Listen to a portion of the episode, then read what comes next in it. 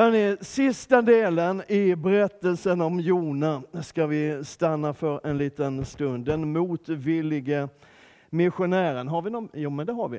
Eh, den här profeten som inte ville profetera, som fick ett uppdrag från Gud att resa till staden Nineve och predika för Nineve, eller faktiskt står det predika mot Nineve, står det. Eh, eftersom deras ondska var så stor. Men Jona drar istället åt helt andra hållet. Han köper en biljett till en båtresa som han hoppas ska ta honom till Spanien. Ja, och mitt ute på Medelhavet så drabbas skeppet av en förfärlig storm. Och när sjömännen har listat ut att den där stormen nog beror på Jona, så kastar de honom i havet. Det är härligt. Det är faktiskt varken deras idé eller Guds idé. Det är inte Gud som säger att de ska göra det, utan det är Jonas alldeles egen lösning på problemet. Och vi sa förra söndagen när vi pratade om det här att, att när vi försöker lösa problem och svårigheter alldeles på egen hand, liksom utan Gud, så blir det sällan bra. Och det blev inte så bra. Jag vet inte när, i vilket ögonblick det slog Jon att det här var inte bra. Men någonstans liksom, på vägen från relingen, jag tror innan han träffade vattenytan, alltså, det här blev inte bra. Det som är märkligt med, med Jona, det är ju att det är egentligen inte förrän allt hopp är totalt ute som han vänder sig till Gud. Han gör inte det vad vi kan se i alla fall förrän han befinner sig i magsäcken på en enorm fisk. Det är då han börjar be. Det hade varit smart att göra det innan. Men han blir räddad. Fisken spottar upp honom på land. Det låter mysigt alltihop tycker jag. Eh, och idag så ska vi ta en titt på det budskap som han ändå till sist levererade. Och vad det ledde till. Och kanske mest av allt försöka under några minuter idag att förstå vad den här berättelsen egentligen går ut på. Vad den vill säga oss. Eh, så vi möter Jona igen när den stora fisken har spottat upp honom på land. I Jona 3. Och Herrens ord kom för andra gången till Jona. Han sa, bryt upp och bege dig till Nineve, den stora staden, och predika för den det budskap jag ger dig. Då bröt Jona upp och begav sig till Nineve enligt Herrens ord. Men Nineve var en stor stad inför Gud, tre dagsresor lång. Jona gick en dagsresa in i staden och predikade och sa, om 40 dagar ska Nineve förstöras. Och folket i Nineve trodde Gud. De utlyste en fasta och klädde sig i säcktyg från den största av dem till den minsta. När budskapet nådde kungen i Nineve reste han sig från sin tron, tog av sig sin mantel och klädde sig i säcktyg och satte sig i aska. Sedan utropade och förkunnade man i Nineve enligt kungens och hans stormäns befallning. Varken människor eller djur, kor eller får ska smaka något. De får inte beta eller dricka. Både människor och djur ska klä sig i säcktyg. Det där är en intressant bild. Var, var och en ska ropa till Gud med all kraft och vända om från sin onda väg och från de övergrepp han begår. Vem vet, då kanske Gud vänder om och ångrar sig och vänder sig från sin glödande vrede så att vi inte går under. När Gud såg vad de gjorde att de vände om från sin onda väg ångrade han det onda som han hade hotat att göra mot dem och gjorde det inte. Amen. Om 40 dagar ska Nineve förstöras. Det är sex ord på svenska, på hebreiska är det fem ord. Man kan fundera på, är detta världens kortaste predikan? Tänk vad lycklig församlingen skulle vara om varje predikan bestod av fem ord eller sex. Sådär. Ja, lite tråkigt. Skulle, jag skulle tycka det var märkligt att ha så mycket betalt för det. Men det är ju i alla fall är det en av de kortaste predikningarna som vi har i vår bibel. Det finns en profetisk hälsning i Haggai som är lika kort på svenska. Det är nog världens kortaste profetia i alla fall. Jag är med er, säger Herren. Det är bra, det, är, det kan lyfta vilken situation som helst. Faktiskt. Så den är bara fyra ord på hebreiska. Men det här är alltså budskapet som Jona predikade. Det är åtminstone det som är nedtecknat. Det här är vad han tar sig till Nineve. Går en hel dagsresa in i den här stan och så predikar han detta. Om 40 dagar ska Nineve förstöras. Och det är, får vi tyvärr konstatera, det som Jona hoppas på ska ske. En otrolig väckelseevangelist, eller hur? Därför när det inte sker så blir han extremt upprörd. Folket vänder om, kungen vänder om och till och med djuren verkar vända om. När Gud såg vad de gjorde, att de vände om från sin onda väg, ångrade han det onda som han hade hotat att göra mot dem och gjorde det inte. Men Jona tog mycket illa vid sig. Han, han, han bad till Herren och sa, O Herre, vad var det jag sa? när jag var kvar i mitt land. Därför vill jag förekomma dig och fly till Tarshish. Jag visste ju att du är en nådig och barmhärtig Gud, sent till vrede och stor i nåd och beredd att ångra det onda. Så Jonas reaktion är, jag visste det. Det är ju typiskt jag visste att det skulle bli så här. Jag visste att du skulle skona människorna om de bara vände om. Jag visste det! Och han säger till och med att han vet hur Gud tänker. Att han vet vad Guds hjärta är, nådig och barmhärtig. Och det som är så skumt, tycker jag, det är att trots att han själv har mött den, Guds nåd och barmhärtighet, och trots att det är just Guds nåd och barmhärtighet som gör att han står där med fast mark under fötterna istället för att ligga död på havets botten. Och trots att han vet att det är detta nåd och barmhärtighet som är Guds innersta väsen, hans karaktär, den Gud är, så har han ändå inte fattat det. Han vet, men har inte fattat.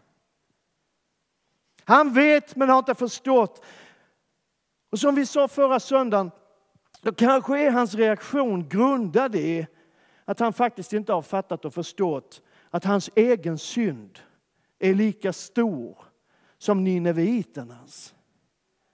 Efter att ha blivit räddad från havets botten där han har hamnat på grund av sin egen synd, sin egen ovilja att följa Herren, sin egen olydnad. Det är därför han är på väg ner mot havets botten. Där har han blivit räddad, men han tycker fortfarande att han är bättre än folket i Nineve. Och grejen är att jag tror att han har missförstått sitt eget budskap. Han använder det hebreiska ordet för att förstöra, eller ett av de hebreiska orden för att förstöra eller förgöra. Och naturligtvis är han medveten om att det ordet har flera olika betydelser. Men han väljer att tolka det på ett sätt som passar hans inställning och hans attityd. Men samma hebreiska ord används på en massa ställen, väldigt många ställen, över 80 ställen i Gamla Testamentet. Jag ska bara ta några där det är en ganska annorlunda innebörd. Det står till exempel i psalm 30, vers 12 eller 11 i den engelska bibeln. Du förvandlade, du förvandlade min klagan till dans. Det låter inte riktigt lika negativt som att förgöra, eller hur? Eller hur? Det är roligare att dansa än att gå under. Är vi överens om det? Trots att vi är pingstvänner en del av oss i alla fall. Ja, det är samma sak som... Nej. Du lossade min sorgdräkt och klädde mig i glädje. Du förvandlade, ordet förvandla är samma ord som Jona använder för att tala om att Gud ska förstöra. Eller det här ifrån första Samuelsboken 10 och 6. Herrens ande ska komma över dig och du ska profetera med dem och bli förvandlad till en annan människa. Wow! Samma ord. Samma ord. Eller det här. I Andra Mosebok 10 och 19. Herren vände vinden. Han vände runt vinden och lät en mycket stark västanvind blåsa. Alltså det här uttrycket betyder inte bara att förstöra, utan det betyder att vända upp och ner på, att rätta till, att ställa till rätta, att ändra på någonting. är vad det betyder. Vid fler tillfällen än det betyder att förstöra och förgöra. Det finns massvis med sådana här bibelställen där det ord som Jona använder för att profetera förstörelse och undergång istället pekar på förändring och förvandling. Och då kan man undra, vad är det som Jona inte har förstått om Gud? Som han säger sig känna och frukta. Och det är antagligen en massa saker.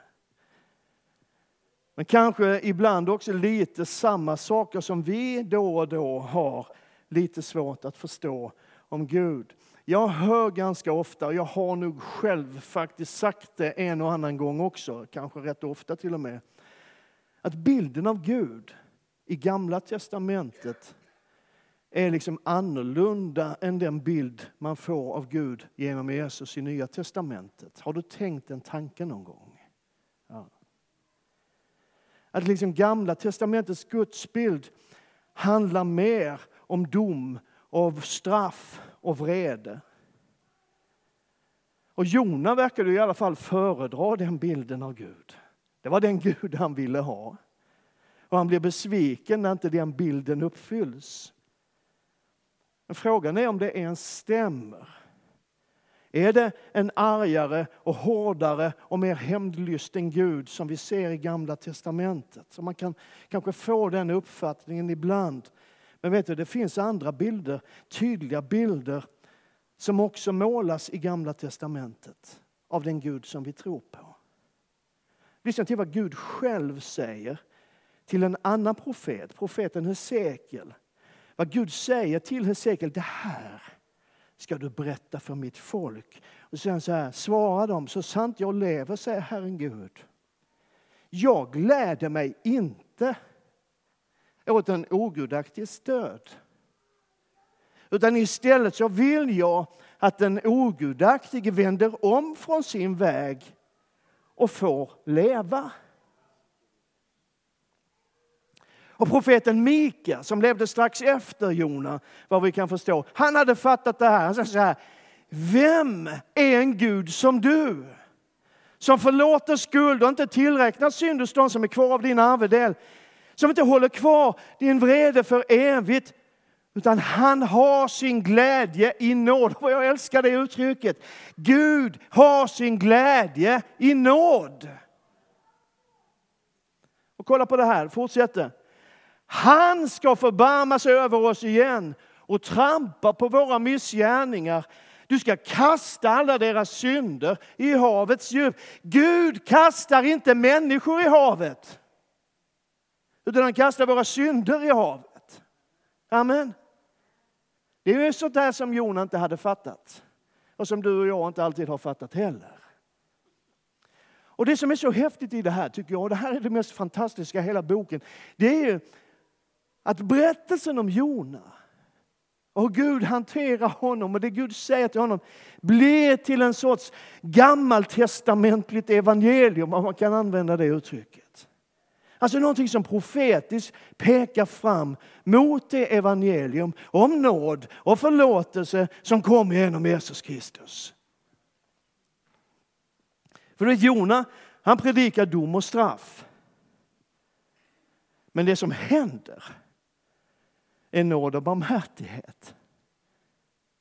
Jag säger det en gång till. Jona predikar dom och straff, men det som händer är nåd och barmhärtighet. Det som har förtjänats är dom och straff. Liksom det folket har samlats ihop till är dom och straff. Men det är inte det som drabbar folket i Nineve. Utan istället får de helt oförtjänt smaka på nåden och uppleva Guds ofattbara kärlek och Guds ofattbara godhet. För det är ju sån vår Gud är. Så älskade Gud världen. Så älskade Gud världen. Så älskade Gud världen. Så älskade Gud världen. Så älskade Gud världen. Att han gav sin enfödde son för att var och en som tror på honom inte ska gå under utan ha evigt liv. Wow. Och Gud har inte sänt sin son. Jag älskar den här versen. Jag älskar den här versen. Jag har hört den så många gånger. Där du med. Gud sände inte sin son till världen för att döma världen. Nej, vad var det då för? För att världen ska bli frälst genom honom. Världen ska bli frälst genom honom. Och det är det här som Paulus beskriver så makalöst starkt i Efesierbrevet. Först beskriver han läget. Också er har Gud gjort levande.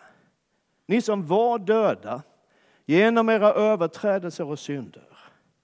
Tidigare levde ni i dem på den här världens sätt och följde härskan över luftens välde, den ande som nu är verksam i olydnadens barn. Bland dem var vi alla en gång. När vi följde våra kötsliga begär, gjorde vad köttet och tankarna ville. Av naturen var vi vredens barn, precis som de andra. Och sen kommer ett av de allra mest betydelsefulla orden i skriften.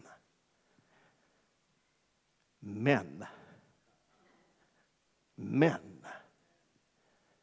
Jag har talat förut om ordet män. Jag har haft en hel predikan om ordet män en gång. Vilken skillnad det är på det ordet beroende på vem det är som säger det. När vi människor säger män så är det ofta något negativt. Ja, men det där var gott, men lite för salt. Det där gjorde du bra, men tänk på det här till nästa gång. Men kan vara ett så frustrerande ord. Jag vet, jag har skrivit om det här också i något församlingsmejl en gång. Alltså de flesta av oss har säkert upplevt det där om en idé som gick i kras för att någon sa men. En entusiasm som fladdrade iväg som höstlöv på, i vinden. Liksom. Därför att någon med sitt men pekade på svårigheter och hinder som man själv har förbisett. Liksom. Hur, men hur ska det gå till? Men vad händer då med det där? Men vad kostar det? Ordet män kan vara extremt irriterande. Eller hur? Fast när Gud säger män så är det oftast något bra. Då blir det liksom den där förvandlingen som vi har pratat om idag. Så Paulus beskriver läget och det är bara att konstatera när man läser Paulus, det är nog ganska kört utan Jesus, utan Gud. Vi är döda genom våra synder, våra överträdelser. Vi är hemfallna åt vreden. Vi, precis som alla andra människor, så långt har vi kommit. Men Gud, som är rik på barmhärtighet, har älskat oss med så stor kärlek även när vi ännu var döda genom våra överträdelser. Alltså han har gjort oss levande med Kristus. Av nåd är ni frälsta. Vi var döda genom våra överträdelser. Men vi levde på världens vis och följde ondskans makter. Men vi följde våra syndiga begär. Men vi gjorde vad köttet och tankarna ville, men vi var drabbade av vreden. Men Gud som är rik på barmhärtighet har älskat oss med så stor kärlek att även när vi ändå var döda genom våra överträdelser har han gjort oss levande med Jesus Kristus. Wow! Jag vet inte om du har tänkt på det. Men om man följer kyrkoåret så är det domsöndagen idag. Hur många har tänkt på det? Hur många vaknar i morse och tar tack gode Gud att det är domsöndag idag? Ja. Grejen är att, att vi, vi tänkte inte på det när vi la planeringen för predikningarna den här hösten, men det passar rätt bra tycker jag att det är domsöndag idag. Sen kan man ju ibland tycka då, på tal om det här att vi är väldigt svenska, här, att i andra länder idag så firar man Kristus konungens dag. Vilket underbart namn det är! Liksom. Du övervann synden och döden och graven och allt det här. Det är liksom det men i Sverige så har vi domsöndagen.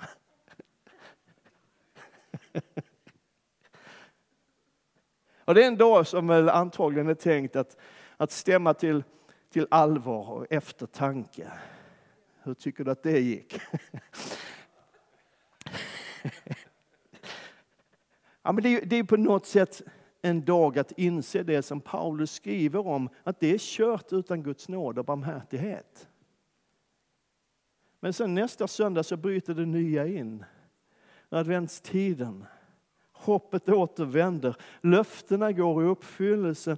Så får liksom också domsöndagens budskap landa i det hoppfyllda. Att vetskapen om att Gud inte är ute efter att döma och straffa utan vill förlåta och upprätta. Och då kan ju Paulus också frimodigt skriva att nu blir det alltså ingen fällande dom för de som är i Kristi eller tillhör Kristus Jesus. Det blir ingen fällande dom. Domen är liksom upphävd, inställd, borttagen, utraderad. Och vi är frikända. Vi som var döda genom våra synder och våra överträdelser har gjorts levande i Jesus Kristus. Det blir ingen fällande dom. Det är det här som är Jona-bokens budskap. Ett budskap om en Gud som älskar människor alldeles oavsett var de finns på jorden. Alldeles oavsett deras bakgrund, deras etnicitet eller vad du vill. Till och med de som andra föraktar och som, tycker, som andra tycker är onda är lika älskade av Gud som någon annan. Och det sista kapitlet i Jona-boken är ungefär lika märkligt som de andra tre. För trots att Jona nu, liksom, han vet nu att Gud kommer att skona stan, skona invånarna, så sätter han sig ändå ner på en kulle utanför stan för att se hur det ska gå. Liksom. Kanske Gud ändrar sig en gång till. Hoppas, hoppas, hoppas. Eh, det är en väldigt märklig predikant. Fast ibland, jag pratade om det innan, ibland har man nästan mött väckelsepredikanter. Det är nog inte så, men det verkar som om man tycker att det är viktigare att de ogudaktiga hamnar i helvetet än att de rättfärdiga kommer till himlen, nästan. Och Jona är liksom en av dem. Fria radikaler. Ehm, Och när han sitter där på sin kulle utanför stan och deppar över att det inte blev som han har predikat. Han kanske tycker nu har jag förlorat prestigemässigt här. Jag predikade så blev det inte så sjukt jobbigt. Och där och då fortsätter Gud att undervisa Jona och visa ännu mer av sig själv. Ännu mer av sitt hjärta. För där och då avslöjar Gud för Jona vad som är det egentliga skälet till att han ville skona och rädda Nineve och dess invånare. Jona är upprörd, han är sur, han är arg. Dels för att Gud inte har gjort det som han har predikat att han skulle göra, men mest är han sur just då i alla fall för att hans buske som gav honom skugga har vissnat ner och dött. Och så talar Gud till Jona. Och så säger Gud till Jona, du är sur för en buske. Och det står inte i vår översättning, men i grundtexten så står det skärp dig. Och så säger Gud, skulle inte jag ömma för Nineve? Den stora staden där det finns mer än 120 000 människor som inte kan skilja mellan höger och vänster. Och dessutom en mängd djur. Och det där att de inte kan skilja mellan höger och vänster, det handlar inte om att de hade dåligt lokalsinne eller var allmänt korkade, utan det är ett uttryck som betyder att de kan ju inte skilja på rätt och fel.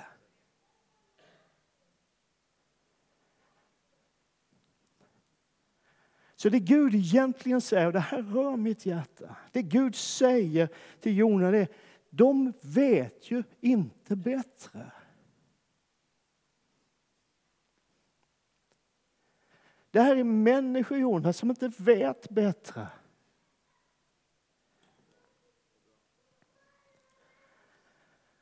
Och där i det uttalet så är det som att Gud själv går mycket längre och är långt mer inkluderande än jag skulle säga någon predikant jag har lyssnat till i mitt liv, inkluderande mig själv.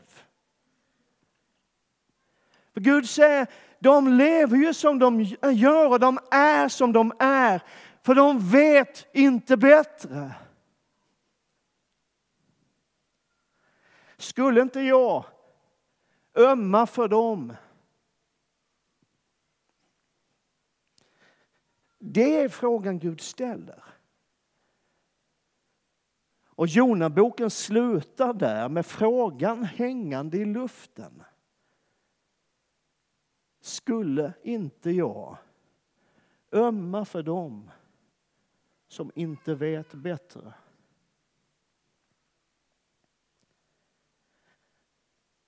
Frågan hänger där och får inget svar i ordaboken utan jag tror att det är meningen att den frågan ska få ett svar i ditt och mitt hjärta varje dag. Frågan som Gud ställer, vem tror du att jag är?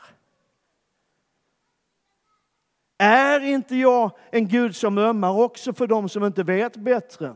För dem som kämpar med sin synd, för dem som kanske inte ens förstår att de är syndare? Är inte jag en Gud som hellre förlåter och upprättar än fördömer och straffar? Är inte jag en Gud som har min glädje i nåden? Är inte jag en Gud som har ett hjärta som är så oändligt mycket större än vad du någonsin kommer att fatta? Ni var döda i era synder och överträdelser. Men jag, säger Herren, är rik på barmhärtighet. Amen.